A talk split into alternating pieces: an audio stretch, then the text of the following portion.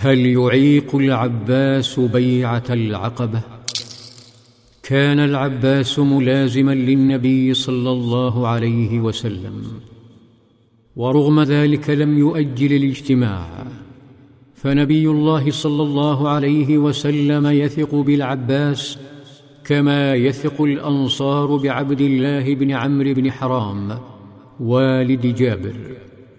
كانت ليلة الثاني عشر من ذي الحجة هي الليلة الموعودة حيث يكاد القمر أن يكتمل. وقبل أن يتحرك الأنصار جرت محاولات مع والد جابر لعله أن يسلم. يتحدث عنها كعب فيقول واعدنا رسول الله صلى الله عليه وسلم العقبة أوسط أيام التشريق ونحن سبعون رجلا للبيعة. ومعنا عبد الله بن عمرو بن حرام وإنه لعلى شركه. فأخذناه فقلنا يا أبا جابر والله إنا لنرغب بك أن تموت على ما أنت عليه فتكون لهذه النار غدا حطبا. وإن الله قد بعث رسولا يأمر بتوحيده وعبادته. وقد أسلم رجال من قومك. وقد واعدنا رسول الله صلى الله عليه وسلم للبيعة. نأى الشيخ العاقل بنفسه عن نار جهنم. نأى بنفسه عن العناد والمكابرة. والقرآن يتلى على مسامعه. فقال أشهد أن لا إله إلا الله وأن محمدا عبده ورسوله. وتطهر ونهض معهم. خرجوا يتلفتون يتسللون. خرجوا بطريقة مدهشة. فعندما استثقل الناس في النوم تسللوا مستخفين من قريش تسلل القطا حتى وصلوا حول مكان رمي الجمرات بعيدا عن الأعين وعن جواسيس طواغيت مكة.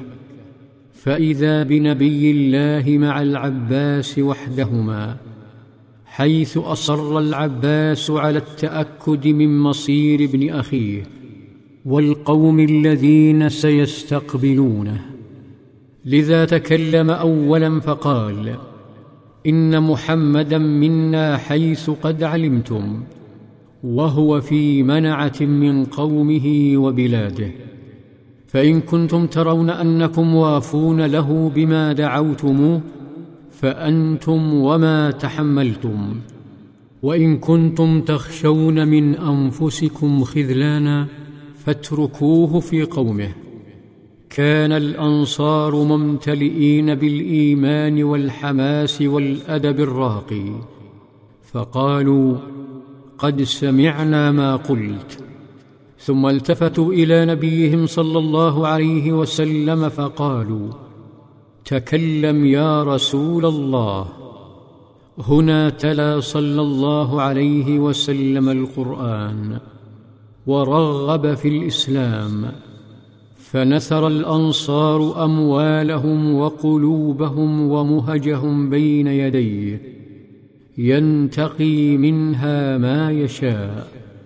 وقالوا يا رسول الله خذ لربك ولنفسك. فقال إني أبايعكم على أن تمنعوني مما منعتم منه أبناءكم ونساءكم. فهتف البراء بن معرور بإيمان كالجبال فقال نعم والذي بعثك بالحق. فبايعنا يا رسول الله. فنحن والله أهل الحرب وأهل الحلقة. ورثناها كابرا عن كابر. وهنا طرح أحدهم سؤالا بحجم حبهم. فكانت الإجابة عليه بحجم محمد ودين محمد صلى الله عليه وسلم. في ظلال السيرة.